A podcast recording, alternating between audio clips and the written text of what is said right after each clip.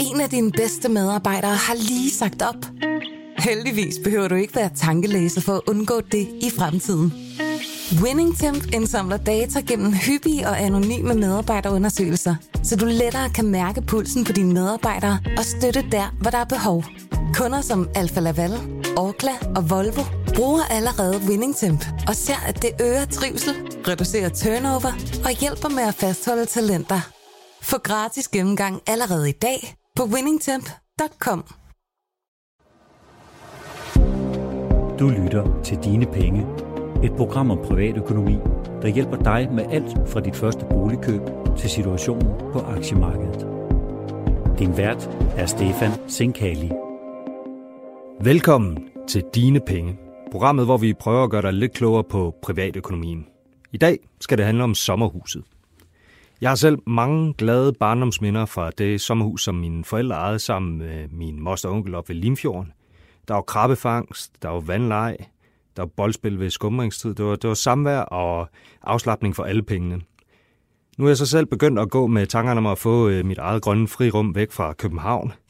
Øh, min øh, svår og svigerinde har fået en nevø, og det skubber på for et fælles køb til den næste generation.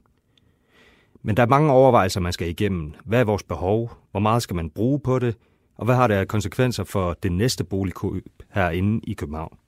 Det er selvfølgelig langt fra de eneste aspekter, som jeg og alle mulige andre, der går med tanker om at købe et lille grønt frirum væk fra byen, skal overveje. Og for at blive lidt klogere på, hvad man bør have i tankerne om øh, huset væk fra hjemmet, har jeg inviteret Christian Borgård ind i studiet. Han er køberrådgiver og ejendomsmaler og har specialiseret sig i at rådgive køber af blandt andet sommerhus. Velkommen til dig, Christian. Tak skal du have, Stefan. Kan vi måske starte med et par generelle basisråd til ja, altså eksempelvis en familie med ejerbolig i hovedstadsområdet, der overvejer at købe et uh, sommerhus?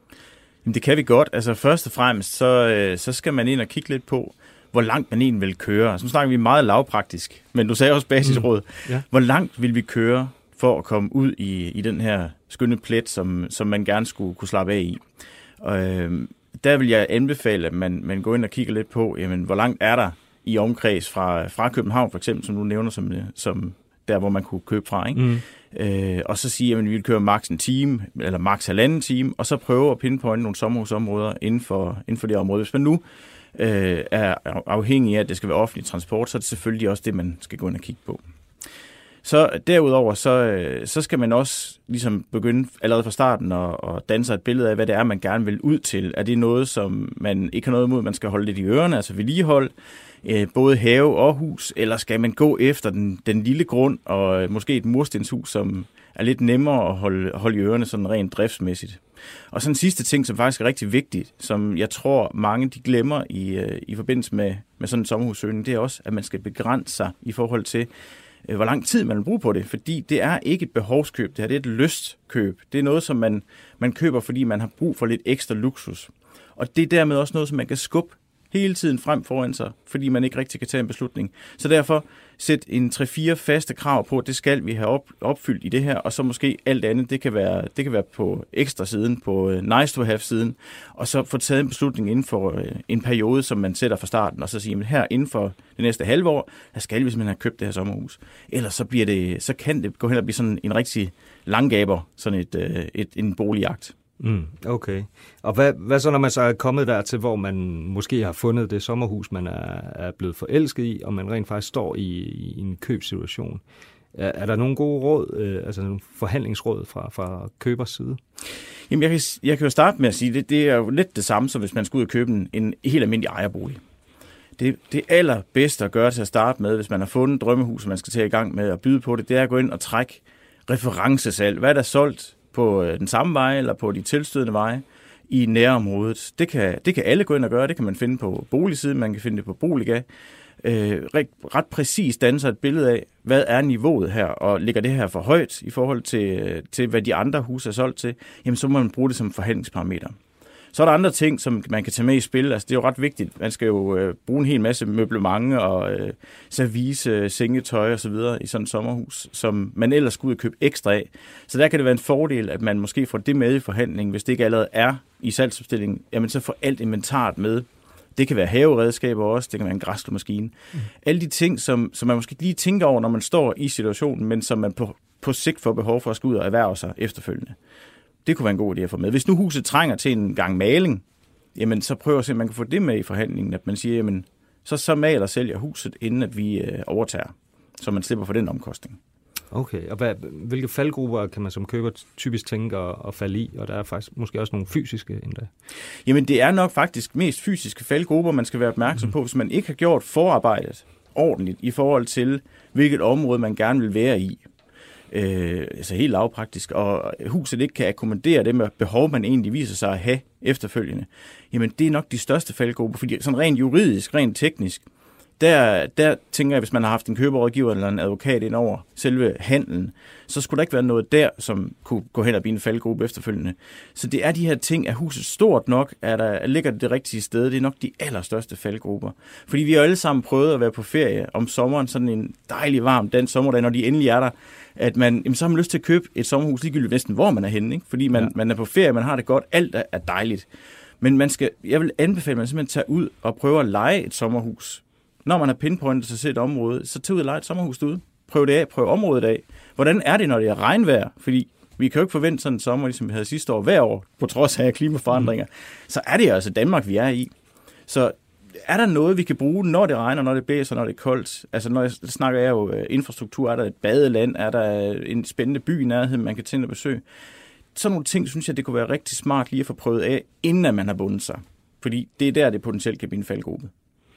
Ja, så er der vel også noget, der, der adskiller sommerhuskøbet fra, fra købet af en helårsbolig. Der er også noget med sådan kloakering og, og, og afløb, og der kan være våde områder. Og Oplevede jeg, at ja, vi var også ude og kigge på et område, hvor det viste sig, at, at altså, vandstanden var ret høj, og det kunne være et problem, når man ikke lige havde den der lange, lange sommer. Jamen der kan det være en god idé at måske banke på ved naboen, øh, hvis man er ude og kigge på et hus i området. Men spørge lidt omkring ind i lokalbefolkningen, hvordan er det herude? For der får man et helt ærligt svar omkring, hvordan øh, situationen er på de parametre, du siger. Øh, sådan noget som kloakering og diverse andre ting, sådan teknisk ting, det er noget, der bliver fanget i forbindelse med handlen af en køberådgiver. Okay, okay. Og hvad, hvad, hvad er så specielt omkring finansieringen af sommerhuset? Altså, der har jo været nogle politiske tiltag for ikke så lang tilbage, øh, tid tilbage, der har skubbet lidt på. Øh, altså førhen, førhen, når man skulle købe et sommerhus, så kunne man få 60% realkreditbelåning. Resten skulle man finansiere selv. Der, der mener man så med banklån for eksempel eller egenbetaling. Men maks 60% kunne man få i realkreditinstituttet, som selvfølgelig er den billigste belåningsform. Det bliver så politisk indgrebet over for, så man nu har mulighed for 75% realkreditbelåning. Altså næsten det samme som ved en ejerbolig, som er på 80%. Og det gør selvfølgelig alt andet lige, at man kan sidde lidt billigere i det, men man kan måske øh, komme til et sommerhus uden at have så mange penge med selv fra starten. Og, og det vil jo alt andet lige potentielt i hvert fald sætte skub i markedet. Øh, og det har det allerede gjort. Så, så priserne generelt sådan gået, gået lidt opad? Jamen, jeg ved ikke, om prisen sådan er steget. Øh, det er et svært emne at gå ind på, fordi det er meget regionelt, øh, hvordan forskellen er der.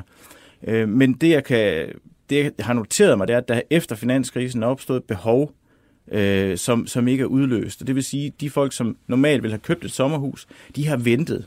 De har simpelthen på grund af det økonomiske store billede i Danmark ikke ture at gå ud og købe det her, den her luksusgode. Det, det er ligesom øh, både handlen og motorcykelhandlen har heller ikke været helt fantastisk i den periode efter finanskrisen, fordi det er ikke noget, man har behov for. Mm. Det er simpelthen ren og skær af lyst, at man går ud og køber de slags goder, og dermed også sommerhus. Så jeg tror, der har været en generel prisstigning på grund af, at der er en masse mennesker, som har fået lyst, som tør at træde ud af det her, som tør at springe ud i at blive sommerhusejere. Og de er jo så nok blevet udløst nu allerede, og så er vi tilbage på normalen, og derfor så er det svært at sige, hvordan priserne kommer til at udvikle sig på sommerhusområdet. Så det er også, altså måske svært at sige noget om, om timingen i forhold til, hvis man gik ud og købte øh, et sommerhus nu her lige i påsketid, som plejer at være højsæson? Jamen, det er jo, det er jo igen det med krystalkuglen. Mm. Det siger det mm. altid. Den der med timingen er, er fuldstændig umulig at være i, fordi hvordan, hvordan bliver renten fremover, og hvordan er arbejdsløsheden, og øh, ens egen private jobsituation, hvordan bliver den fremover? Det er simpelthen umuligt at spå om. Jeg vil bare sige, hvis, hvis det er, man har lysten og, og gejsten for at vil købe et sommerhus, så skal man tage fat i det her nu, og så tage det ud fra den vinkel, og så sige, jamen, når vi så har købt det, så skal det også være lidt ligesom et ægteskab. Det skal både være i lyst og nød. Det vil sige, hvis, øh, hvis markedet falder, og tingene går den anden vej, så skal man have sat sig sådan, så man også kan stadig have råd til at have sommerhuset, og så bare beholde det gennem den tid. Det skal ikke ses som et investeringsobjekt, fordi det kan vi helt almindelige mennesker altså ikke, ikke øh, det kan vi ikke spå nok om til at, at, at vide nok til at købe på den måde. Okay, så prøver jeg en sidste gang i, i, øh, i krystalkuglen, og så må du igen sige, hvis det er umuligt. Der er jo, der er jo en del familier, som har opbygget en vis friværdi i, i de seneste år, og det, det har jo også sat skub i sommerhuskøbene, efter man er kommet lidt på afstand af den øh, finanskrise, vi har haft. Øh, særligt de københavnske ejerlejligheder ser ud til at være ramt af en vis afmatning. Kan det, altså, kan det have konsekvenser for sommerhuspriserne, hvis lejlighedspriserne falder? Er der nogen sammenhæng mellem de to i, i folks bevidsthed? Altså, nu er jeg ikke økonom, men jeg mm. ser det ud fra mine egne øh, betragtninger, og det er så bliver, det mit svar bliver, mm. bliver både på. Ja. Øh, jeg tror, hvis vi skal tage den første del af det, og det er jo lejlighedsmarkedet inde i København, det tror jeg jo at bliver afmattet, men det er jo stadigvæk prisstigninger vi har derinde. Det er igen den der med, at vi har en, en utrolig lav rente. Øh, vi har et, øh, et arbejdsmarked, som er i top. Der er ingen arbejdsløshed stort set. Og der er ingen økonomiske indikatorer, der siger, at vi skal til at have en krise, der siger, at priserne skal ned. Jeg tror simpelthen, at det her det, det beror på almindelig sund fornuft. Det beror på en finanspolitik, som øh, har båret frugt, altså med, at man skal altså spare nogle penge op, før man kan få lov at købe noget. Man har en maks gældsfaktor. Øh, tingene skal være fornuftige, før man får lov til at købe banken. Og det er det, jeg tror, der sætter ind nu, at man når simpelthen en maks på, hvad folk de vil gå med til at købe, og så også, hvad de kan få lov til at købe for i banken. Men det er ikke noget, der potentielt, tror jeg, udløser, at priserne kommer til at falde drastisk. Hvis man ser priserne på ejerlejligheder i København over de seneste 7-8 år efter krisen, jamen der har de jo gået op og ned. Altså det er jo ikke bare en lige øh, streg lige op i himlen, hvis man ser kurven. Det har knæk. Sådan har det altid. Og det kan være, det er sådan en, en, en periode, vi er inde i lige nu, men decideret store fald tror jeg ikke på. Og dermed sagt, tror jeg heller ikke på, at det har indflydelse på sommerhusmarkedet. Fordi det er igen en utrolig lav rente, vi har, og folk har friværdi. De har mulighed for at låne de der 25 procent, som man har egenkapital, eller egenbetaling til sommerhuset i sin nuværende bolig, så det er også realkreditlånt, og så have resten af sommerhuskøbet realkreditlånt, og sådan så det hele i princippet er i realkreditten. Der kom så lige et ekstra råd. Der kom lige et ekstra råd, ja. Lån penge i egen, i egen bolig, ejerbolig til sommerhuset til de første 25 procent. Okay, og hvad, lige her til sidst, øh, har du nogle gode områder, du kan anbefale, nogle gode skuffekøb? Nej, Nej. det har jeg ikke, og det, er, det er ganske enkelt, fordi øh, det er meget situationsbestemt. Hvad, hvad situation er man i? Hvad, hvad har man af krav til det her? Ikke? Fordi det, det er sådan, at, at der er jo masservis af lækre sommerhusområder, men det er simpelthen meget individuelt, hvad man er til, og hvad man vil betale også. Hvor meget økonomi har man til det? Og, øhm, og hvilke krav skal boligen have? Skal man have gæster? Jamen, så skulle det være rart, at man havde det næst til, de kunne bo i. Alle de der ting, jamen, det er, øh, det er sådan noget, som virkelig er, er person, øh, øh, hvad skal man sige, bestemt, hvad man er til. Så det kan jeg desværre ikke komme med, med den gyldne formel på. Pokkers. Pokkers også. Ja, det, jamen det, det er fuldstændig rigtigt. Altså, det er også i den øh, sådan, begyndende jagt, vi har været i gang med, der har det også været sådan, jeg vil helst ikke køre længere end en halvanden time, fordi så kan man nå op inden weekenden øh, for alvor øh, er færdig. Og det, jamen, skal det være på en ø? Nej, helst ikke, øh, men det må gerne være tæt på en god by. Og, altså, der er alle de her forskellige ting, der gør, og det skal heller ikke være tæt på en vej. Altså, det skal ikke larme. Og, Nej. Altså. Men jeg vil give det råd, at man skal udfordre sig selv lidt. Ja. Ikke? Altså, man skal ikke fixere sig på øh, enkelte områder. Man skal prøve at se, hvad ligger der inden for den omkreds af den der time til halvanden, som man måske har besluttet sig for, der skal være i afstand til ens øh, normale bopæl. Og så prøve at se, hvad der er. Hvad byder der sig? Prøv tingene af. Kør ud og gå en tur i de forskellige områder. Fordi det kan være, at man finder noget, der er en halv million billigere øh, i et andet område, end man ellers måske havde, havde regnet med, at man kunne finde, øh, hvis man prøver at kigge lidt ud af. Okay, jamen øh, så er opfordringen hermed givet videre. Tusind tak skal du have for din tid, Christian. Det var så lidt. Du lytter til Dine Penge, og det er blevet tid til Mikro Makromix med Ulrik Bie og Sara Jolie. Vi skifter nu fra sommerhuset til de globale finansmarkeder. Det er blevet tid til den ugenlige snak om, hvad der sker for finansfyrsterne og centralbankcheferne. Vi starter hos dig, Ulrik, og en søvndysende italiener. Der har jo været møde i ECB, øh, den europæiske centralbank, og det, der er så fremragende med deres øh, direktør, øh, Mario Draghi, det er, at man ved, når han har noget på hjertet, og når man ved, når man sådan set ikke behøver at høre efter, og kan slukke for pressekonferencen efter ganske få minutter. Øh, det her var en af dem, hvor han ikke havde noget at sige. Og det, der så sker, det er sådan set, at på første spørgsmål begynder han at læse op øh, fra den øh, ting, han lige har læst op fra den indledende erklæring, øh, og så ved man, at øh, Draghi har ikke tænkt sig at sige noget som helst nyt. Og det var som sagt et af de møder. Der var ingen reaktion, der var ingen nyheder, der var ingen nuancer om noget som helst. Så det kan vi bare springe let og elefant henover. Øh, vi venter på næste gang.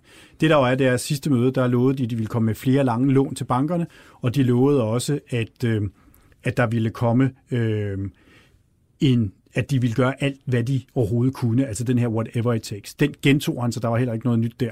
Og så kom der en ny vækstprognose sidste gang, og inflationsprognose, som ligesom lagde grunden øh, for de nye tiltag, og det kommer heller ikke før om et par møder. Så derfor, lad os bare springe det over sprang aktiemarkederne også derovre? Fuldstændig, Stefan. Der skete meget, meget lidt, både på valuta, obligationer og aktierne. Så normalt vil jeg også sidde og se hele Mario Draghi's en times pressekonference, men jeg droppede det simpelthen den her gang. Okay. Uh, Ulrik, vi har jo øh, i de sidste par uger også snakket en del om nedslående tal og indikatorer for forskellige de store øh, europæiske økonomier. Vi fik så en, endnu en aktør, der, der kom med nedslående nyt Ja, vi har den internationale øh, valutafond i Washington, har årsmøder øh, her i øh, april, og øh, i den forbindelse, så kommer de jo med, både når de har, det er forårsmødet, og så til årsmødet, der kommer de med deres store vækstopdatering. Og øh, den kom de så sandelig også med, og øh, det var så den øh, tredje nedjustering på seks måneder, der kom fra Valutafonden. Øh, nu er de jo så ved at være sådan derhen, hvor vi andre har været et stykke tid. Man skal huske, når sådan en stor organisation laver øh, analyser, man får ændringer i verdensøkonomien, altså sådan relativt pludselige bevægelser, så er de meget svært ved at følge med. Det skyldes, at man starter flere måneder i forvejen. Så er der noget team, der går i gang med indledende møder. Øh, så skal man blive enige i afdelingen, og så har det et helt øh, byråkrati hele vejen opad, hvor de skal blive enige. Så skal det op til landene, og de skal så også være nogenlunde enige. Så det der med at lave meget store, dramatiske forandringer i sine vækstprognoser, når verden ser anderledes ud, det er de rigtig, rigtig dårlige til. Øh, de er faktisk meget bedre til at lave strukturanalyser. Man burde slet ikke høre på deres konjunkturanalyser. Så det har taget dem seks måneder at komme derhen, hvor vi andre var i slutningen af året. Og de ser jo altså flere sorte skyer øh, på horisonten. Det, som er usædvanligt, det er, at øh, normalt så taler man også i meget bløde vendinger, især når det gælder USA. Fordi det er, man skal ikke fornærme den største. Det er også en del af det her diplomati. Det, de sagde den her gang, det var utvetydigt, at det er handelskrigen mellem USA og Kina, som er en væsentlig faktor. Og der plejer man normalt at tale bare om protektionisme og den slags, sådan i, i lidt mere generelle vendinger. Så, så der blev peget en pil. Der er vel 300 meter fra Verdensbanken, måske 400 til det hvide hus, øh, men det var den vej, øh, pilene vendte i ret entydigt. Verdensvækst på 3,3 procent, det lyder måske meget, men vi skal huske, at øh, de nye vækstøkonomier og udviklingsøkonomier, de skal helst vokse sådan omkring 4, 5, 6 procent øh, for at holde trit med befolkningstilvæksten og få folk løftet af fattigdom. Vækstforventningen for Danmark i år er 1,7 procent, og det svarer faktisk til, hvad regeringen sagde tilbage i december. Så regeringen har ikke på nogen måde at prøve at lave øh, skønmaleri af dansk økonomi, og det er jo fint nok. Okay, og hvad, hvilken pil øh, pegede markederne så i retning af på, på baggrund af, af den her udmelding fra IMF? Jamen, det var noget, der blev taget selvfølgelig lidt negativt, fordi aktiemarkederne kan selvfølgelig aldrig lide at høre, at væksten er på vej ned i gear. Men som Ulrik også siger, så er det her jo lidt old news. Vi har haft så mange nøgletal, der er peget i den retning, så aktierne har jo i lang tid begyndt at justere sig ind på den virkelighed, hvor der ikke er så meget vækst, som I måske troede for et halvt år siden. Og nogle af de nøgletal, vi er begyndt at se, fra Kina for eksempel, de er faktisk begyndt at pege den anden retning. Det er, at vi måske har nået bunden i den her øh, lille bløde øh, afmatning i økonomien, så det måske bliver lidt mere positivt over det næste halve år. Så aktiemarkederne tog det sådan lidt, hmm, ja, det er lidt irriterende, så faldt det lidt, og så begyndte det egentlig bare at være sådan okay flade, glade igen. Og, og det, der også er bemærkelsesværdigt lige nu, det er, at vi er utrolig tæt på at nå rekorderne. Altså både S&P 500 i USA og Dow Jones-indekset, de er en mulehår fra at nå deres rekorder, og det samme er det danske C25-indeks. Vi kan ikke helt komme derop endnu. Vi mangler ligesom sådan det aller, aller sidste, for at vi kan komme tilbage. Men, men IMF-tallene var altså ikke nok til, at vi bare sådan bankede helt i gulvet igen. Vi, vi tror ikke rigtig på, at det er nok til, at øh, aktiemarkedet skal falde ud af sengen i hvert fald.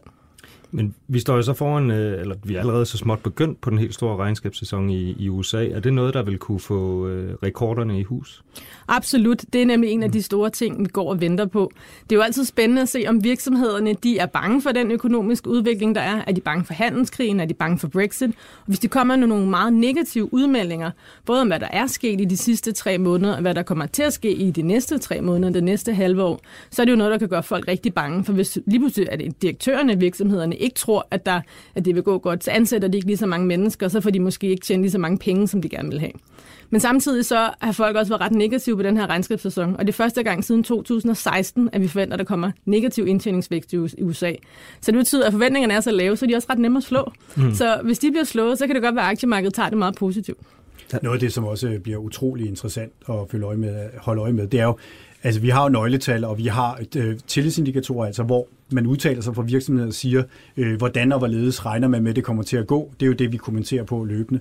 Men hvad der også er utrolig vigtigt, når man skal krydstjekke sit syn på verden, det er faktisk at følge med i, hvad de siger i de her regnskabserklæringer. Og en af de ting, som er ekstremt vigtigt for USA og for den amerikanske pengepolitik, det er, oplever virksomhederne et stigende omkostningspres? Det ved vi, det gør, fordi lønningerne stiger hurtigere, end de gjorde tidligere. Vi ved også, at importvarer er blevet lidt dyrere øh, på grund af straftol.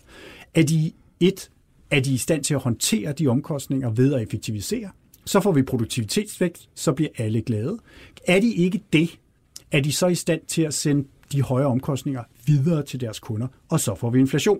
Så det kommer meget an på, ligesom når de skal beskrive, hvad er det for en tilstand, de står i, og hvad er det, de ser dem selv være i stand til at gøre med den stigende omkostningspres de kommende måneder? Det kan faktisk få ret stor betydning. Er de ikke i stand til at omsætte det i effektiviseringer, ser vi, som Sara siger, en nedgang i, øh, i indtjeningsvæksten bare, jamen så er det spørgsmålet, om, det, øh, om virksomhederne vil prøve endnu mere at øh, slå på, at de amerikanske forbrugere har det rigtig, rigtig godt og er villige til at betale mere for deres varer. Så det, det hele det der spørgsmål, det er, bliver det absorberet? Er det effektiviseringsgevinster?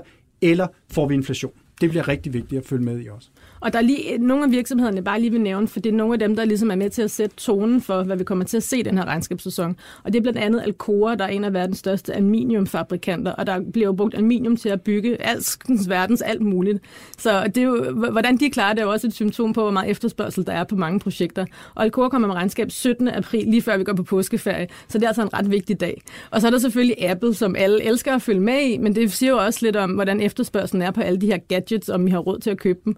Øh, og Apple kommer 30. april, så det jeg bare lige nævner noget vi i hvert fald holder ret meget øje med. Okay. Har der været nogle få regnskaber, der har kunne pege pilen i en ene eller den anden retning? Eller det, vi er stadig så tidligt i det, og, og faktisk er det først i den her uge, vi begynder at se de store amerikanske regnskaber komme igennem. Og det har været sådan nogle drøbvise, som ikke rigtig har været for en samlet sektor, så det er for tidligt at sige noget. Det vi holder meget øje med, det er jo selvfølgelig, at i tredje kvartal og fjerde kvartal sidste år i 2018, der havde vi indtjeningsvækst på over 20 procent i det tredje kvartal, og omkring 15 i, i fjerde kvartal. Det er rigtig, rigtig flot. Vi kommer bare ikke derop igen. Så spørgsmålet er, hvor langt vi skal ned derfra. Øhm, men ja, det, det, som de tal, vi kigger på nu, er, at, at indtjeningsforventningerne er så lave, at der, hvor de er nu, der burde aktierne faktisk kunne stige 10% de næste 12 måneder, øh, fordi man har priset så mange dårlige nyheder ind. Til gengæld skal man også huske, at øh, der var for et år siden, kom der store skattelettelser for de amerikanske virksomheder. Og det vil sige, når vi kigger på øh, indtjeningsvæksten før og efter skat, så fik øh, den efter skat jo et ordentligt smæk opad. Og de begynder jo at forsvinde ud, de her tal. Og det er, jo, det er jo også en af de ting, der gør, at når vi, når vi ser på, det kan godt være, at den underliggende indtjeningsvækst egentlig vil ganske pæn, men efter skat indtjeningsvæksten, den vil jo selvfølgelig få et, et spark nedad. Og det er også spørgsmålet, vil man bare ignorere det, eller øh, vil man øh, tage det med og sige, Horsa, det er jo sådan set det i sidste ende, det drejer sig om, når man er investor. Det bliver også en af de ting, vi nok kommer til at se rigtig mange kommentere på. Altså, nok kan ikke det lægge yderligere pres på? Ja, det kan lægge meget pres på. Men jeg vil bare sige, at det er ikke sidste gang inden for de næste øh, 4-6 uger, vi kommer til at snakke om de her regnskaber i hvert fald. I mikro-makro-mix. Nej, og så skal, vi, så skal vi op på den helt store klinge, øh, op i helikopteren, eller jumbojetten, om man vil. Øh, for der er en krig i gang, Ulrik. Der er en krig i gang, og øh, det er endnu en gang handelskrig, men det har faktisk, kan man sige, som udgangspunkt ikke noget med præsident Trump at gøre. Øh, Boring i USA og Airbus i Europa har, øh, og deres respektive regeringer har været i mange år i krig om, hvem der giver mest ulovlig statsstøtte til den anden. Og øh, det er eksempelvis så har Boeing har flyttet hovedkvarteret fra Everett ved Seattle øh, til Chicago, fordi de fik nogle fantastiske skatteincitamenter til at gøre det. Det er jo meget den måde, man gør det på i USA. Det mener Europa er statsstøtte. Det mener amerikanerne ikke er statsstøtte. Til gengæld så har Airbus fået nogle favorable lån af europæiske regeringer til at udvikle nye flytyper. Det synes man ikke er statsstøtte i Europa. Det synes man er statsstøtte i USA. Så det, vi, vi fik, det er jo, at øh, der er forhandlingsorganisationen WTO, har lavet en erklæring, som faktisk er gået mest amerikanernes vej. Der er frem og tilbage her. Alle er dumme, men mm. europæerne er lige nu mest dumme. Forløbig.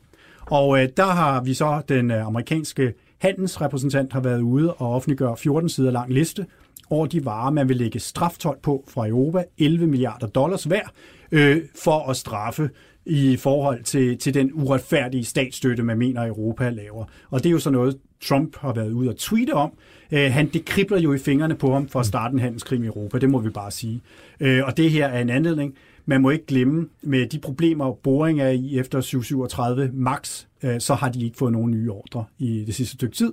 Øh, Airbus klarer sig lige pludselig rigtig godt, og så er det klart, at så timingen i det, som sagt, det har været mange år undervejs, men timing i det, det skal man jo også se på i forhold til Huawei, hvor vi lige også lige pludselig fik nogle indgreb, fordi det passede ind i det større billede. Så der er klart, at det, det styrer regeringen jo, hvornår man kommer ud og annoncerer de her ting. Det er en del af noget større, som vi skal også kommer til at tale mere om i de kommende måneder. Det er, at når, hvis der kommer en handelsaftale med Kina, øh, så bliver det næste, at vi ryger og kigger på Europa. Så hedder det ikke kun biler, det er det, vi meget snakker om, og det er altså en alt, alt for forsimplet øh, diskussion. Det, som amerikanerne lagde straftold på primært, det er landbrugsvarer. Når det gælder fly, skal vi bare huske, ikke? så er det ost og olivenolie. Og øh, når vi kommer til handelsforhandlingerne, så kommer der altså også svinekød, oksekød og den slags på bordet for amerikanerne, at vi skal åbne vores markeder for deres øh, hormonbehandlede og genmodificerede fødevarer. Det har man ikke lyst til, men det er altså også en stor del af det, vi kommer til at diskutere de næste seks måneder. Og hvis vi så lige går tilbage til Boeing og Airbus konkret, altså efter al den, øh, al den virak, der var ovenpå på de to flystyr der tilbage i, i marts, eller nummer to var i marts, øh, hvordan har de to selskaber så klaret sig?